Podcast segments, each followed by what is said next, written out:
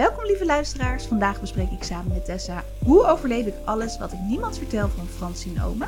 Het boek dat je niet meer had verwacht, maar dat je toch heel graag wilde lezen nu je weet dat het er is. Nou, vandaag gaan we voor de tweede keer een hoe overleef ik boek bespreken. Superleuk. Samen met Tessa. Yes, hallo. De vorige keer was het hoe overleef ik mezelf. En die hebben we ook echt gelezen in onze tienertijd. En dit is meer ja, een boek voor jongvolwassenen, denk ik. Ja, dat klopt. Volgens mij hebben we. Ja, jij bent iets jonger dan ik, maar volgens mij waren wij ongeveer wel even oud als Rosa toen wij het boek Hoe overleef ik mezelf las. Dat is wel grappig, ja. Want toen was ze ongeveer rond 14 en nu is ze ja, tien jaar later. Ja, volgens mij is ze nou ja, 24. Zoiets. Ja, we zijn dan wel iets ouder, maar het zijn wel problemen die ja, best wel relatable zijn. Ik was ook helemaal, want volgens mij stuurde jij dat linkje door dat er dus gewoon weer een hoe overleef boek kwam. En dan nu voor ons dus ook best wel ja, goed gedaan. Omdat natuurlijk al die mensen die toen die boeken lazen, nu ook die leeftijd van Rosa hebben. Ja, dat is echt fantastisch. En ik vind ook gewoon de manier waarop dat is ontstaan zo leuk. Want dat is dus via TikTok gebeurd. Oh, serieus? Ja, dat is heel leuk. Want Aman had mij de Hoe overleef ik podcast doorgestuurd van Francine Omen. Oh ja. En die eerste aflevering was met Juriaan. En Juriaan had op TikTok een filmpje geplaatst van... Francine Omen, wanneer kom je met een boek hoe, over, ja, hoe, hoe ik deze periode van mijn leven overleef? En dat had Oh, toen heel vet. veel respons gekregen. En toen kwam zij er eigenlijk op om dus ehm, te gaan praten met jongeren. Dus mensen van ja, ergens tussen de 20 en 30 volgens mij ongeveer. Ja. En hun dan te vragen naar waar zij tegenaan liepen. En dat werden toen echt honderden mails. En toen Ja, is ze dus die podcast begonnen en dat boek gaan schrijven. Oh, wat cool. Ja, en ik kan me voorstellen dat zij dat ook heel goed doet. Want elke keer als ik Francine Ome hoor in interviews of podcasts, zij klinkt gewoon heel lief, heel warm. Ja, grappig is dat, hè? Ja, en ja, ik vind dat, ze dat heel goed heeft gedaan. En ik, ik hoorde dus ook dat ze een soort van lezing heeft gegeven rond dit boek. Dacht ik, oh, daar had ik echt bij willen zijn. Ja. Dat mensen daar ook allemaal dingen over hun leven gingen delen. ja, een vriendin van mij die is ook naar een lezing van haar geweest in de buurt. En ze zei dat het eigenlijk bijna een soort van halve therapiesessie werd. Oh, omdat ze het op ja. een of andere manier voor elkaar kreeg dat iedereen heel openhartig werd. Dat geloof ik wel, ja. Ergens had ik misschien nog leuk gevonden als ze het zelf voorlas. Want volgens mij las zij wel de eerder Hoe overleef ik boeken voor. Ja, op Storytel heeft ze er een paar voorgelezen inderdaad. En dat vond ik ook wel grappig, want zij heeft ook echt zo'n stem die ik heel erg bij haar vind passen of ja, zo. heel unieke stem. Ja, Op een of andere manier. Heel leuk. En in de podcast leest ze dus ook dingetjes voor. Want dan eh, soms vat ze een gesprek een beetje samen. En dan vertelt ze, nou Jurina vertelt nog wat verder over, over dit en dat. En dat schrijft ze ook op zo'n manier op. En dat voelt dan gelijk weer helemaal Francine-achtig of zo. Ja. Dat is heerlijk. Oh, dat is wel echt een goede luistertip. Want ik, ken- ik ken die podcast nog niet heel goed, moet ik eerlijk bekennen. Maar dat is wel eh, het luisteren waard, kan ik me voorstellen. Ja, ik vind het een hele leuke podcast. En zat jij gelijk in het boek wat we vandaag gaan bespreken? Hoe overleef ik alles wat ik niemand vertel? Had jij gelijk weer het oude Francine Ome, hoe overleef ik gevoel? Ehm, voor een deel. In het begin dacht ik, yes, we zijn er weer. En ook het hele taalgebruik in die mails. En ik dacht, oké, dit is fantastisch. Maar ja, gaan we, gaan we spoileren? Ik denk het wel, hè, want je kan dat... Ja, we ontkomen er niet helemaal aan. Nee, We zullen het een beetje aan. aankondigen. We zullen, er blijft altijd natuurlijk genoeg over om zelf te lezen. Maar ja, ehm, sommige dingen moeten we toch wel even bespreken. Wat we ervan vinden ook. Ja, het boek startte voor mij echt met een hele grote glimlach. Maar al heel snel sloeg die stemming bij mij een Ja. beetje om. Want Rosa blijkt haar vrienden echt al een jaar of vier niet meer gesproken te hebben.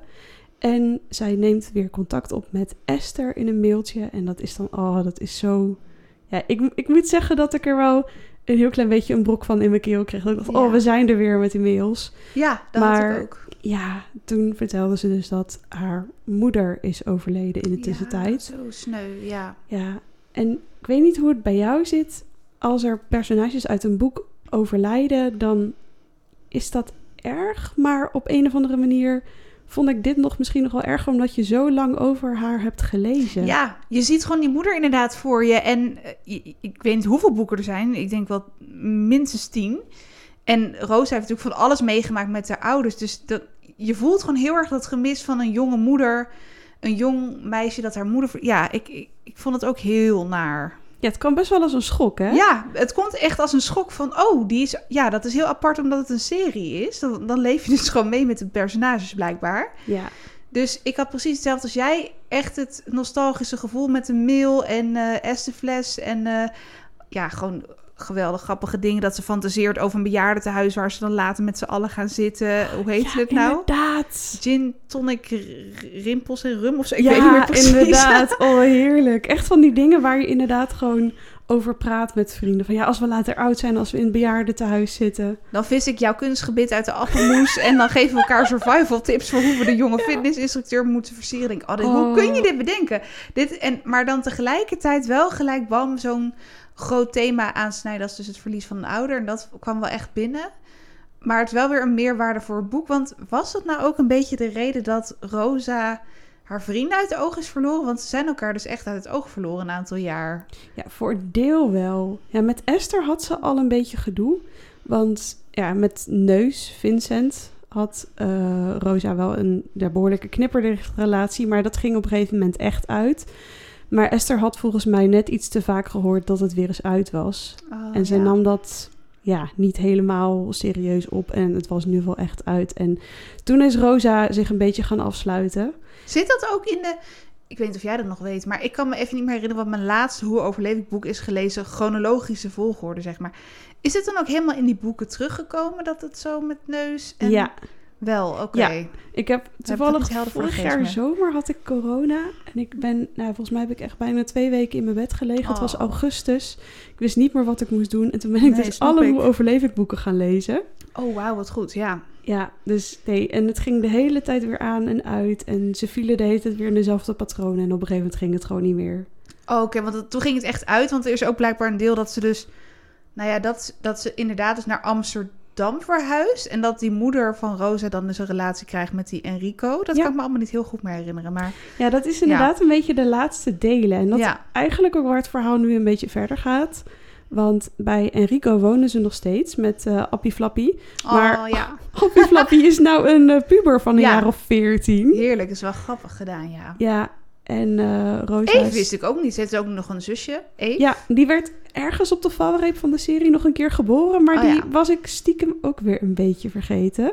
Ik krijg altijd zo'n heel warm, huiselijk familiegevoel bij die Enrico. Ik vind dat zo'n leuk karakter. Gewoon een keer geen vervelende stiefvader, maar gewoon echt een leuk iemand. Ja, deze is echt ook lief. En ook gewoon zo'n warm bad waar Rosa's moeder in terecht kwam. Na Ja. al het gedoe waar ze doorheen was Ja. gegaan. ja. En dan vind ik het toch wel heel triest dat het zo, ja, ja. zo moet lopen. Maar ja, er gaan nog meer dingen gebeuren. Want Enrico, van alles. Ja. ja, die kondigt aan dat hij in Italië wil gaan wonen. En dat betekent dat Abel en Evie mee moeten. En dat gaat nogal voor wat eh, reuring zorgen. En dat is eigenlijk ook een beetje de aanleiding van het boek, volgens mij. Ja, dan, dan komt er weer een hele bak ellende. En Rosa zit zelf ook met allerlei ja, zorgen. En er zit eigenlijk ook heel slecht in haar vel. Want ze heeft dus die vrienden een beetje afgehouden. Dus deels misschien omdat haar moeder ziek werd. Deels omdat Esther haar een beetje verkeerde raad gaf in haar ogen. Ehm, en ze zit gewoon diep in de put ook. Ja, zeker. Dat gaat niet goed. Want het laatste Hoe overleef ik boek, dat was dus Hoe overleef ik mezelf. Dat is wel frappant, want in dat boek ontwikkelt zij anorexia nervosa. Ja, dat is waar. Ja, en in dit boek komt het weer heel hard terug. En Ja. zit ze er eigenlijk weer middenin. Kan het zijn dat, dat Francine daar nou... Ja, of dat ze het zelf heeft gehad? Ik kan Ja. me zoiets herinneren dat ze Ja. het eens verteld heeft. Ja, ze heeft dat zelf gehad, dus ze kan ook echt gewoon uit eigen ervaring spreken hoe alles overheersend dat kan zijn. Ja, Want- die stemmetjes in je hoofd de hele tijd. ja, en dat is ook wel typisch, want die verschenen ook in Hoe overleef ik mezelf en komen nu Ja. ook heel erg terug. Ja, en ook Roos komt af en toe terug. Ja. Ehm, en het is ook best wel iets waar misschien veel jongeren mee worstelen. Gewoon bijna een soort ja, depressieachtig. Dat, dat je heel erg om je heen ziet dat andere mensen hè, ogenschijnlijk succesvol zijn. Kind hebben, een baan hebben, werk, Ja. studie. En dat je jezelf dan heel verloren kan voelen. En dat hebben waarschijnlijk veel meer mensen dan je denkt. En dat vind ik wel goed uitgewerkt. Dat, ja, dat is een beetje waar Rosa mee worstelt. Ja, dat hebben zeker veel meer mensen dan je denkt. Want Rosa zwerft op een gegeven moment door de stad heen. Komt dan een oud studiegenoot tegen met een kindje. En hangt dan, zonder dat ze het eigenlijk zelf gelijk door heeft, een verhaal op. Van ja, het gaat hartstikke goed. En ik heb mijn eigen ontwerpstudio. Ja, en ik heb een leuke vriend. En die andere meid zegt van, oh, ik ben zo jaloers. En je deed het ook altijd al zo goed. Dus zelfs van de mensen van wie je denkt, die hebben het hartstikke goed voor elkaar. Het kan zomaar eens anders zijn. Dus toch de schijn ophouden. Ja, alles wat je ja, niemand vertelt. Ja, Heel, ja, hele goede titel. En nou ja, dat is dan misschien wel het hoe overleef ik gevoel. Ook hoe, hoe ze dan inderdaad die mails toch weer gaat sturen. Het is wel heel overduidelijk in de huidige tijd getrokken. Want ze gaat dan ook scrollen op Tinder en Instagram, geloof ik, en zo. Ja, ik moet zeggen dat ik dat dus ergens een beetje gek vond. Want ik zie Ja. Rosa nog steeds achter de halfbakken gare oude Ik dus computer. Die mailtjes sturen. En nu gaat alles met spraakmemo's via WhatsApp ook. En Ja. mailen via de smartphone. Ja, dat is toch wel Eh, even gek. Maar dat is wel iets van die boeken van Francine... dat je heel erg merkt in welke tijd het zich afspeelt. Ja. Ehm, wat ik wel soms had, ik ben benieuwd hoe jij dat had met het boek, maar het is wel, want ja, veel oude bekenden komen weer terug, Esther en Jonas ook later en Joya, maar veel mensen hebben wel veel ellende, maar dat is natuurlijk ook goed, want ze wil veel problemen aanstippen, maar daardoor had ik soms zo, oeh, het is wel heel veel ellende. En je moeder verloren en dan een eetstoornis. En nou ja, dat vond ik soms een beetje veel tegelijk. Ja, het is heel veel. En dat wordt echt ook nog één grote, ja, eh, ontplofte bende. Want Ja. Iedereen bij elkaar en iedereen met zijn eigen problemen en iedereen met zijn eigen negatieve stemmen. Want ja, die stemmen die komen ook nog best wel veel terug. Volgens mij heet dat internal dialogue of voice dialogue. Maar Ja, dat je eigenlijk een soort van personages in je hoofd hebt die dingen zeggen over jezelf. Dus dat je, doodvermoeiend lijkt me dat ook. ja, Francine Omen vertelde zelf ook dat ze... eh, ze heeft volgens mij een, eh, een tante Tang of zo. En Oh, Prik. echt? En dat zijn dan hele, hele strenge stemmen. En de zinkende walvis. Die vind ik Oh. zo mooi. Dat is een beetje haar depressieve kant. Ah, ja. En, maar je hebt ook positieve, fijne, gezellige stemmen. Dus op een, op een gegeven moment gaat zij in een, eh, in een podcastaflevering de innerlijke cheerleader zoeken. Oh, wat goed! Ja, dus het kan ook heel erg de positieve kant op werken. Maar ja, iedereen heeft dus een verschillende ja, bril waarmee hij naar het leven kijkt. En dat gaat nogal botsen, want onze personages komen allemaal weer bij elkaar. Het is wel heel beeldend om dat een naam te geven of zo, vind ik. Ja. Dan word je je wel een beetje bewuster van, van het is maar een stem, het is niet de waarheid. Want Ja. soms kun je gedachten natuurlijk echt ervaren alsof ze echt waar zijn. Net zoals wat Rosa heeft met de e-politie noemt ze het geloof ik steeds. Klopt. Ja, en wat ik best wel heftig vond, die slagroomspuit. Met, met lachgas was het geloof ik. Oh ja, ik moet je stiekem zeggen. Ja, maar daarvan had ik wel zoiets van. Moet dit er ook nog Ja, bij? Nou, exact. het Dat was wel heel veel bij elkaar. Ja, En nu weet ik dat dat over Francie's boeken vaker is gezegd. oh ja. En dat zij dan zegt: Ja, maar dit is voornamelijk autobiografisch, dus het kan wel degelijk allemaal bij elkaar. Oh ja. Maar ergens vond ik het wel heel veel. Want je hebt inderdaad Rosa met al haar problemen. En ook nog Esther die Ja. alcoholverslaafd is, Blijft verslaafd is geraakt aan medicijnen. Ja, Ja. Iets heeft met een oudere docent daar ongepland zwanger van is. En Jonas die spookstudent blijkt te zijn en depressief is. En een, een, een hele wantrouwige kluizenaar eigenlijk letterlijk is geworden. Ja, en die inderdaad heel erg de wereld wil verbeteren en dus helemaal ja, zonder social media leeft en heel erg, eh, wat natuurlijk goed is, maar met het klimaat zo bezig is, maar wel een beetje op het ge, ja, obsessieve af, bijna. Klopt. Eh, en wat ik, ja, wat vond jij van, van Jonas? Want hij is zogezegd depressief, maar ik, ik vond dat een beetje moeilijk uitgewerkt. Want ik kan me voorstellen, een Ja. depressie is wel anders, want hij, hij doet eigenlijk best veel in het boek. In die zin, ik kan me voorstellen als je depressief bent, dat je wel anders, ja, hoe zeg je dat? Dat je anders leeft, laat ik het zo zeggen. ja, dat verschilt denk ik heel erg per persoon. De ene Ja, persoon met een depressie is de andere niet. En niet iedere depressie uit zich hetzelfde. Maar ja, hij zit toch wel behoorlijk in de put. En ik moet ook zeggen, want ja, die mensen komen dus allemaal bij elkaar... omdat Rosa het plan opvat om Joya op te gaan zoeken, een oude vriendin. Het is wel een goed, goede baas voor een verhaal. Ja, zeker. Want je denkt inderdaad van hoe gaat iedereen nou bij elkaar Ja. Maar dat is dus wel heel mooi. Want Rosa die trommelt eigenlijk haar vrienden op. Nou, voornamelijk Jonas en Esther. Van ga met me mee naar Portugal.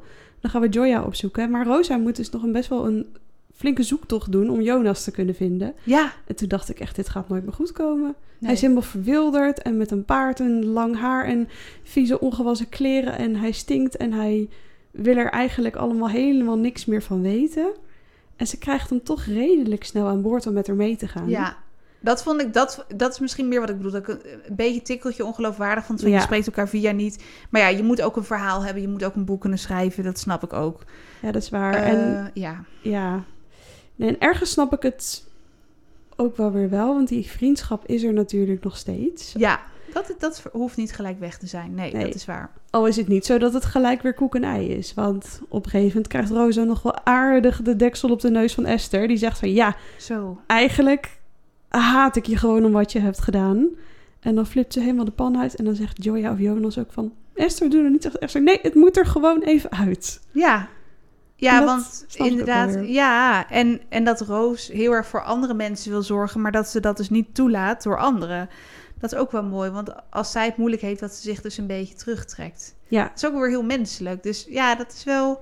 Je ziet dingen heel erg van twee kanten of zo. Dus dat doet Francine wel goed. ja, zeker.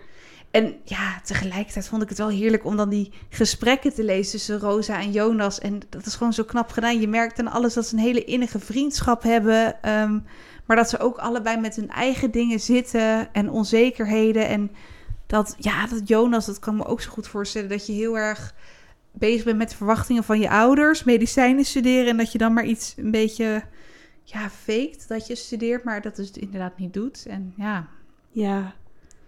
Ja, dat is wel echt heel, eh, heel triest. Dus dat, kaart ze wel aan. Dus dat komt Ja. misschien wel uit die podcast. Dat mensen dat hebben ingestuurd. Al die problemen kan ik me zo voorstellen. Maar Ja, want dat spookstuderen is wel iets wat steeds vaker nu boven water komt. ja, Dat mensen dat doen of hebben gedaan. Dus dat vind ik ook wel heel goed dat ze dat aankaart. En dat er dus ook gewoon een weg is om er weer uit te komen.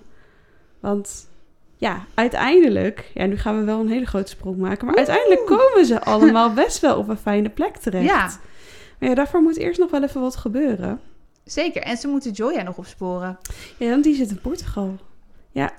Die is eigenlijk de enige waarvan ik dacht... hé, hey, jij bent eigenlijk wel een beetje op de plek waar ik je had verwacht al die jaren later. Ja, Want zij geeft van die healings en dingen in een, eh, bij een soort van yoga festival.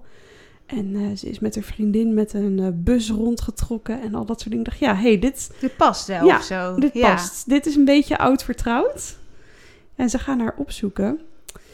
Maar ja, dat gaat ook niet zomaar, want ze moeten elkaar eerst nog eens vinden. Ze moeten eerst nog eens in Portugal terechtkomen ook. Dat gaat ook nog eens een keer helemaal mis. Oeh, en dan krijgt Rosa toch ook een soort halve inzinking onderweg? Ja, dat is echt heel zielig. Dat is ook wel zielig, ja. Ja, ze zitten in een Airbnb en Rosa gaat dan lachgas gebruiken in de badkamer en ze gebruikt iets te veel. Ze gaat oud en ze worden daar eigenlijk, ja, Rosa wordt ontdekt terwijl ze helemaal knock-out in de badkamer ligt. En ze worden, vrij heftig weer. oh man, Ja. ja, ze worden echt eh, nog net niet die eh, Airbnb uitgeschopt. En eh, ze rijden weg. Rosa moet rijden, want zij is de enige met een rijbewijs. En dat Ja. gaat ook helemaal mis. Het is wel een goede manier van een setting creëren. Je zit er wel gelijk in. Ik zie het wel gelijk voor me.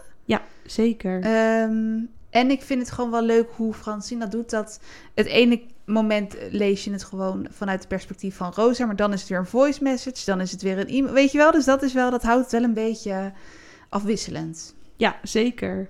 En Dat hoe heel overlevingachtig. Ja, absoluut. ja. ja, wat vond jij van, van Esther, die hele verhaallijn? Ook best wel pittig, vond ik. Maar... inderdaad. Ja, Esther is psychologie gaan studeren en is op een gegeven moment psycholoog geworden in Amerika. En dat klinkt super glamorous allemaal, maar dat ging ook allemaal niet over rozen. Want zij was volgens mij een beetje verslaafd geraakt of afhankelijk geraakt van bepaalde medicijnen die studenten gebruiken om zichzelf een beetje op te peppen. Oh ja, dat was het, ja. En daarbij raakte ze aan de drank en een affaire met een oudere docent. En toen bleek ze ook nog eens zwanger en raakte ze de baan kwijt. Ja. Ja, dan zou ik ook naar Portugal gaan. ja. Ja, inderdaad. Ja, en ook de zwangerschap ook wel een goed the- thema om aan te snijden van ja, ongepland, ongewenst. Hoe ga je daar dan mee om? En ja, Ja, want ze roept heel hard dat ze dat kind niet wil. nee. Nee. Maar ja, Maar ja, hoe dat afloopt. ja inderdaad. Ja, moeten we alles gaan verklappen. Ja, nee, dat is ook wel. We moeten dat maar misschien een beetje voor de, voor de luisteraars laten. Als je het nog wil lezen. Maar ja, het is wel een, een, een leuke dynamiek of zo. Ze zijn ook allemaal wel soort van anders. En Rosa doet soms wel dingen een beetje heel impulsief, vond ik. Ja, daarin lijkt ze ook niet echt veranderd te zijn. Nee, dat, dat lijkt een beetje hetzelfde te zijn. Hoe ze nou precies ook het, het eetprobleem gaat aanpakken, is me niet helemaal duidelijk. Misschien dat dat wel in het, in het, in het epiloog zit, of hoe noem je dat? Het laatste hoofdstuk. Eh, want da- Ja. ja, dat, dat is toch wel zorgwekkend. Ja, ze moet eigenlijk leren om er in eerste instantie over te praten. Ja. Want iedereen weet dat ze een eetprobleem heeft. Ze, heeft het zelf, ze weet het zelf ook. Maar ze wil er niet over praten. En eigenlijk pas zodra ze een beetje begint te praten, komt er iets los. Want op een gegeven moment gaan zij ook ehm, ja, een soort van truffels gebruiken. Oh ja, die truffel, truffelbonbons. ja, klopt. Ja, en dan krijgen ze dus een soort van ja, hallucinatie, een soort van droom. Wat vond jij van die hele scène dan? Ik vond dat vrij intens. En je wist al van tevoren, dit gaat niet goed. Nee. Want ze gaan op een strand zitten, Ja. dat een beetje is afgesloten, omdat het, eh, omdat het app is. Nee, omdat het vloed is. Hoe zat dat nou? Ja, dat wisten was- ze zelf dus eigenlijk ook niet nee, helemaal. het was app en daal, maar het werd dan, ze zaten er te lang en toen werd het vloed, dus toen zaten ze bijna allemaal helemaal onder water, half verdronken. Ja, inderdaad. Aan de truffels, high. Ja. Maar ja, volgens mij hebben ze daar uiteindelijk wel allemaal inzichten gekregen die ze Ja. iets verder zijn geholpen. En eigenlijk vanaf dat Zeker. moment ging het redelijk snel. Ja, dit is op zich nog best wel aan het einde van het boek, die ceremonie, geloof ik, toch? Ja, klopt. Ja. Ja. inderdaad. En niet heel lang daarna, of ze hadden het al gevonden, vinden ze een soort van verlaten tuin. Oh ja. Met een hondje erin, Scruffy. Oh, Scruffy. Zo lief. En wat ook nog wel heel leuk is, ehm, Joya die zit dus in de camper. En in de camper naast haar woont Juriaan. Ja, die vond ik leuk. Ja, ja. die was heel leuk. En Francine, toen zij dus haar podcast had, haar eerste aflevering met Juriaan, zei ze... Ik ga een personage naar jou vernoemen. Oh, wat cool. En dat wordt misschien wel het nieuwe vriendje van Jonas. Oh, wat grappig. Ja, dat Ja. is ook wel heel mooi. Want dat is eigenlijk ook een beetje het moment waarop Rosa de innerlijke cheerleader van Jonas een beetje wil aanspreken. Van Jonas die vindt Juriaan heel leuk. En Juriaan vindt Jonas ook wel heel leuk. Maar ja, Jonas vindt zichzelf echt gewoon totaal niks. Oh ja, ja. En Rosa gaat hem dan een beetje uit de tent lokken. Staan ze ook midden in de supermarkt. Zegt, ja, schrijf er dan eens een gedicht over. Oh ja, want hij dicht heet daar. Dat is zo heerlijk. Ja. Ja. Klopt. En dat heeft hij dus ook heel lang niet meer gedaan. En dan gaat hij dus een beetje rijmen van ja... Nou ja, ik weet niet meer wat het gedicht precies was... maar dat hij zichzelf helemaal niks vond. En toen zei Rosa, draai het nou eens om... en ga het nou eens allemaal positief maken. En toen kwam er uiteindelijk ook een hele grote lofzang op zichzelf uit. Ja, en dat vind ik zo mooi hoe ze dat doet met taal. Want daar is de schrijfster wel echt heel goed in. Van die vergelijkingen, die metaforen van... ik, ik voel me net een, een half lauw eh, glaasje cola. En dan zegt ze, hé, hey, je Ja. prik is weer Ja, terug. inderdaad. Je hebt gezwommen in de zee en het komt door Juriaan en je prik is weer terug, ja, inderdaad. Want hij was net als cola zonder prik. En Ja. toen- ja, fantastisch. Of iets van, eh, mijn hart voelt als een ijsberg die door midden is gespleten. Gewoon dat soort heerlijke dingen met taal. Ja, Dat is wel echt een heel groot pluspunt aan het boek. En ook natuurlijk steeds die gedichten. ja Je heerlijk. moet het maar uit je mouw schudden. Ja, Ehm, en dus ook voor heel veel mensen, denk ik, herkenbare gedachten van... ja, je kan iemand heel erg leuk vinden, maar je kan jezelf niet voorstellen... dat hij in 100 jaar op jou zou vallen, weet je wel? ja. want waarom zou je nou zeggen dat je zelf hartstikke leuk bent en Ja. knap en slim en fantastisch en geweldig? Dat je jezelf gewoon inderdaad weer door een heel andere bril ziet. Eh, ja, dus dat, dat, dat vind ik wel goed aan dit boek. Ja. Ehm, ja, en gewoon wat er allemaal gebeurt ook nog. Ja, wel jammer dat Sascha en zo, die komen allemaal niet meer terug. Nee, dat vond ik ook jammer, want eigenlijk degene... Ja, want Sascha, daar was ik toch wel heel erg benieuwd Ja. naar. Dat was toch allemaal een beetje spannend met haar. Ook Ja, kwam toch? volgens mij uiteindelijk weer bij haar jeugdliefde terecht, die de vader is van haar Oh, dochtertje. wel. Oh ja, ja, want zij had een dochtertje, dat Ja. weet ik nog wel. Ja, nee, het is sowieso... Oh, als je nagaat wie wat allemaal heeft meegemaakt in al die boeken... Het is gewoon een hele soap. Ja, ik zou echt willen dat ze gewoon door blijft schrijven. En dat ze Ja. gewoon nog weer 16 delen gaat schrijven. En dat we horen hoe het met iedereen verder is gegaan. Ja, want dit is deel 17 of zo, hè? Ja, volgens Het- mij het- ook. Ja, En het biedt op zich nog wel genoeg voedingsbodem voor een volgend boek. Want zeker. Zeker. Ze komen lekker in Portugal terecht bij elkaar. In die tuin waar ze een soort van huis gaan opbouwen en een bestaan. En ze vinden allemaal werk. Maar ja, er zijn ook nogal wat dingen die een beetje open liggen. Want Rosa zoekt ook weer contact op met Neus. Ja. En ze ontdekt ook iets uit haar verleden, of eigenlijk haar moeders Zo, verleden, inderdaad. waar ze toch wel nog even op moet kouwen, want dat, eh, dat is niet mis. Dat was wel even nog een klapper op het eind. Wat, wat vond je daarvan? Zag je dat aankomen? Of... Nee, ik vond dat best wel heftig. Want Rosa Ja. heeft een voicebericht van haar moeder gekregen. Volgens mij een bericht van 12 minuten of zo. Ja. En dat heeft Rosa's moeder gestuurd de nacht voordat ze overlijdt. De ochtend daarna is ze overleden. En Rosa heeft nooit naar dat bericht durven luisteren. En na al die jaren, na die bad trip, zitten ze nog een beetje na te bibberen op die rots. Dan zijn ze met z'n allen bij elkaar en dan is het moment dat Rosa het gaat luisteren. Oh, zo zwaar. Je kan je gewoon voorstellen hoe zwaar het is dat je dan gewoon weer de stem van je moeder hoort. Ja, Ja, oh, ik zat er stiekem zelf een beetje met buikpijn. En ik dacht van, ja, wat gaat er komen? Wat is dat? Nou, En er kwam toch wat? ja daar kwam wel iets heel... Nog even op het einde kwam er even... Dus inderdaad, dat is wel iets voor een volgend boek... wat nog een zoektocht zou kunnen opleveren. Ja, klopt. Gaan we het vertellen? Gaan we het vertellen? Ja. Gaan we het niet vertellen? Of is dit aan de luisteraar zelf? Ja, misschien wel. Het is een beetje zo'n if you know, you know situatie. Ja, ja precies. En als je het niet knows, dan wil je het to knowen komen. En dan moet je lekker het boek gaan lezen. Ja, want het zit echt helemaal aan het eind van... Maar het is wel... Ik, ik, voel, ik zag hem echt niet aankomen. Het kwam een beetje als eh, donderslag bij heldere hemel. Het was ook niet een helemaal heldere hemel meer, maar... Nee, dat klopt. Nee. Ehm, ik had daarbij wel zoiets van... hmm, Oké, dit komt er ook nog bij. Maar goed, Ja. het is wel weer een, een mooi stukje voor een volgend boek. Zeker. En het verklaart heel veel over Rosa's moeder. En Ja. Rosa's relatie met haar moeder. En Precies. Rosa's relatie met andere mensen. Dus dat vond ik wel heel erg mooi. Hoe dat eigenlijk op generaties lang doorwerkt. Ja, en wat veel terugkwam in de- dit boek ook weer... Dat, dat had Jonas dus, dat had Esther, dat had Rosa... Dat je eigenlijk altijd wel iets hebt met je ouders wat je mist. Ik weet niet of dat voor iedereen geldt... maar dat je altijd wel een soort van ingewikkeld iets hebt uit je jeugd. Dat Esther ook niet haar ouders durfde te vertellen dat ze zwanger was... en Jonas die hield zich groot, weet je wel? Dat er Ja. altijd wel iets is. Dacht, oh ja, dat is best wel heftig, maar het is Klopt. vaak wel zo. Ja, zeker. Iemand die zei dat, eh vergeleek dat een keer van... eh, ja, stel je wil appels, maar je ouders geven je alleen maar bananen. Oh ja. Bananen zijn ook lekker en zoet. En het is fruit en het is voedzaam. Maar ja, als jij een keer appels wil... Ja, Dat was wel een hele treffende vergelijking. Het is een soort van... Ja, ouders die doen ook maar wat zij het beste vinden. En ook wat zij zelf hebben gekregen. ook dat, hè? Ja. Want wat zij zelf hebben gekregen is ook normaal. En dat is wat je vaak onbewust doorgeeft. Wat niet betekent dat het altijd op generaties doorgaat. Nee. Want mensen kunnen absoluut veranderen en dingen anders doen. Maar als mensen dat in zich niet hebben, of dat gewoon nog niet hebben kunnen verwerken, dan kan het dus inderdaad overgaan op de volgende. Ja, en dat vond ik wel. Ja, dat. Ik denk, oh ja, ik denk dat veel mensen dat wel herkennen. Eh, daarom was ik dus wel zo blij dat Roos dus met, met die Enrico een hele goede relatie heeft. Het is gewoon een fijne band. Ook zijn ze niet echt bloedverwanten, zeg maar.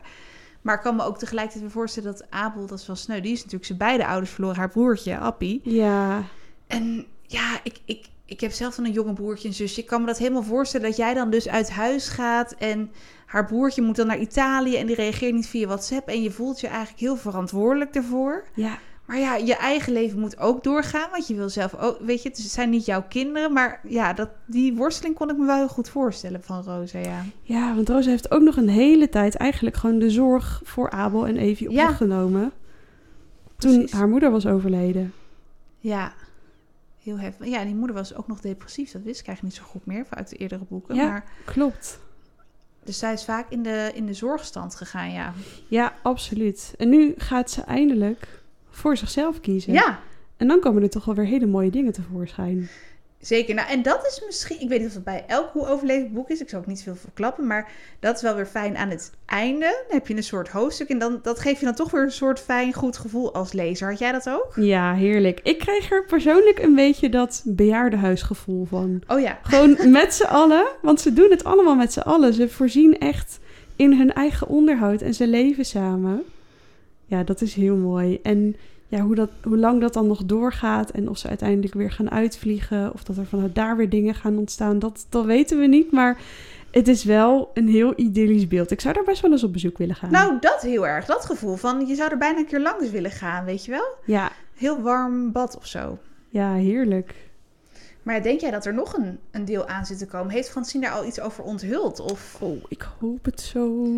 Want zij en anders gaan we gewoon een TikTok maken. Zeg Ja. ja. van zien. Ja, precies. Maak nog een boek, alsjeblieft. Oh, wat erg hè. Ik moet dan wel even een TikTok-account aanmaken. dat is maar, waar, ik heb eh, helemaal geen TikTok. Maar ze schijnt ook echt boeken voor volwassenen te schrijven. Ook een, ehm, hoe noem je dat nou?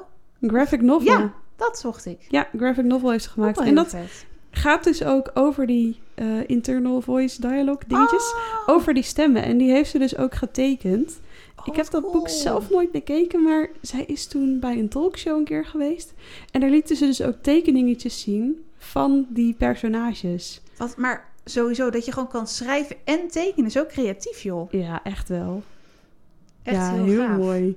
Ja, ja, en ik vind het wel heel leuk, want die podcast is heel ja, leuk om naar te luisteren, maar ook best wel leerzaam. Je kan er wel dingen van opsteken. En dat is met het boek eigenlijk ook een beetje zo. Je Ja. kan best wel dingen eruit leren van, hé, hey, ik kan hier ook op een andere manier naar kijken. Of ik kan ook mijn eigen cheerleader worden. Of, hé, hey, ik kan die zinkende walvis ook gewoon een keer een aai over zijn bol geven en zeggen, yo, Dat zijn echt hele nuttige het komt wel goed. Nou, dat vind ik wel met die survival tips. Want dat is natuurlijk echt zo typisch. Hoe overleef ik iets? Wat uit eerdere boeken. Het zijn echt wel nuttige survival tips, denk ik, voor veel mensen. Zeker. Ik moet zeggen dat ook toen ik die boeken vorig jaar ging lezen, ik heb er nog best wel wat van onthouden. Wat goed. Ja, ik zou ze ook beter nog tot me moeten nemen. Dan denk ik, hé, hey, hier kan je echt wat aan hebben. Ja, echt heel grappig. En ja, dat, wordt, dat heeft ze wel goed doorgezet. Het, het- ik denk dat het, het oude hoe overleef ik gevoel wel goed is bewaard in dit boek. Want dat is natuurlijk altijd spannend met als er weer een vervolg komt. Ja. Maar dat heeft ze wel, eh, denk ik wel heel goed gedaan. Ja, dat vond ik wel echt heel leuk. En gewoon, ik moet je zeggen dat ik niet zo heel goed weet hoe het boek valt bij mensen die eigenlijk de serie van vroeger niet hebben gelezen. Dat lijkt me ook apart. Want dan ja. kom je toch in een soort van gekkig wereldje terecht. En ze noemen elkaar Ja. allemaal eh, gekke appelflap en eh, Sorry, doorgedraaide dropveter en dat soort dingen. En dan denk je, wat? Ik heb iets gemist. Dat lijkt me wel apart, ja. En dat zijn juist de dingen die het zo leuk maken. Omdat het zo herkenbaar is van die boeken van vroeger. Gek is dat, hè? Dat je gewoon je niet meer kan voorstellen hoe het is om een boek niet te hebben. Ja, als je het eenmaal hebt gelezen, heb je het gelezen. Je kan het niet meer met nieuwe ogen bekijken. Dat is soms Ja. wel jammer. Oh, dat lijkt me wel lekker. Dat je voor het eerst een Hoe overleef ik boek... Ik denk dat mijn eerste boek eh, Hoe overleef ik de brugklas was, denk ik. Ja, die van mij was volgens mij Hoe overleef ik mijn eerste seizoen? Oh, maar Oh, Sophie. Ja. Ik weet niet wanneer deze podcast eh, live gaat, in de lucht gaat. Oeh, spannend. Maar er komt gewoon een klein Sofietje aan. En als zij straks groot genoeg Oh is, jeetje, jongens. dan kan zij die boeken gaan lezen. En dan lees je ze Oh. niet weer voor de eerste keer. Maar kan je ze misschien via haar weer een beetje als een eerste keer lezen. Dat zou wel grappig. Nou ja, ik zat net dat hele betoog over ouders te houden. Toen dacht ik, ja jongens, eh, mij staat binnenkort hetzelfde lot te wachten. Nee, maar de- ja, je weet het niet. Hè? Over een paar weken komt er een babytje aan. Het is heel gek. En ja, wanneer zou ze dit mogen lezen? Ik denk wel pas over tien jaar, Ja, twaalf jaar. ja, ik denk... ja, volgens mij is... Want het begint met Hoe overleef ik het jaar 2000. Dat is denk ik Oh, leuk ja. vanaf een jaar of 10, 11. Die heb ik nooit gelezen, denk ik. Erg eigenlijk. Oh, die is wel heel leuk. Want ik, Dat is heel grappig. hoe Nee, mijn vakantie ja, dat zo? is de eerste. Oh, is dat wel de eerste? Want die heb ik denk ik... Dat is het oudste boek wat ik Ja, ken, zeg maar. Maar dat is ook echt nog best wel een kinderboek. Want dan zijn ze echt nog Ja. jong. Met Pierre en, eh, Ja, oh, dan laat je er alvast kennis maken met Rosa en met Jonas. en Jonas. En dan ja, later zeg je, hé, hey, maar er zijn nog meer boeken. dat is wel grappig. Dan vraag ik me wel af, want dan is het dus gewoon Wow. halverwege 2030. Oh jeetje, jongens, we worden oud. Dan zegt zij, wat is MSN, wat is e-mail? Wat is e-mail inderdaad? MSN, ja. Waren er computers die met een stekker in het stopcontact Ja. moesten? We hebben toch allemaal smartphones? Of Oh. misschien zijn er al geen smartphones meer. Misschien heeft iedereen wel gewoon een soort van... Ik denk dat dat heel snel gaat, ja. Ja, Want wij zaten vroeger op MSN. Daarom is het voor ons natuurlijk heel leuk jeugdsentiment. Maar ik ben dan ook benieuwd inderdaad of er dan weer zo'n Hoe overleef ik serie komt. Maar dan, weet je wel, voor nieuwe generatie. Zoiets achtig moet bijna wel. Maar ja, dat denk ik wel. Dat klinkt wel heel leuk. nou ja, wie weet. Wie weet. Het zou toch leuk zijn als er in 2030 nog steeds onze boekenkast bestaat.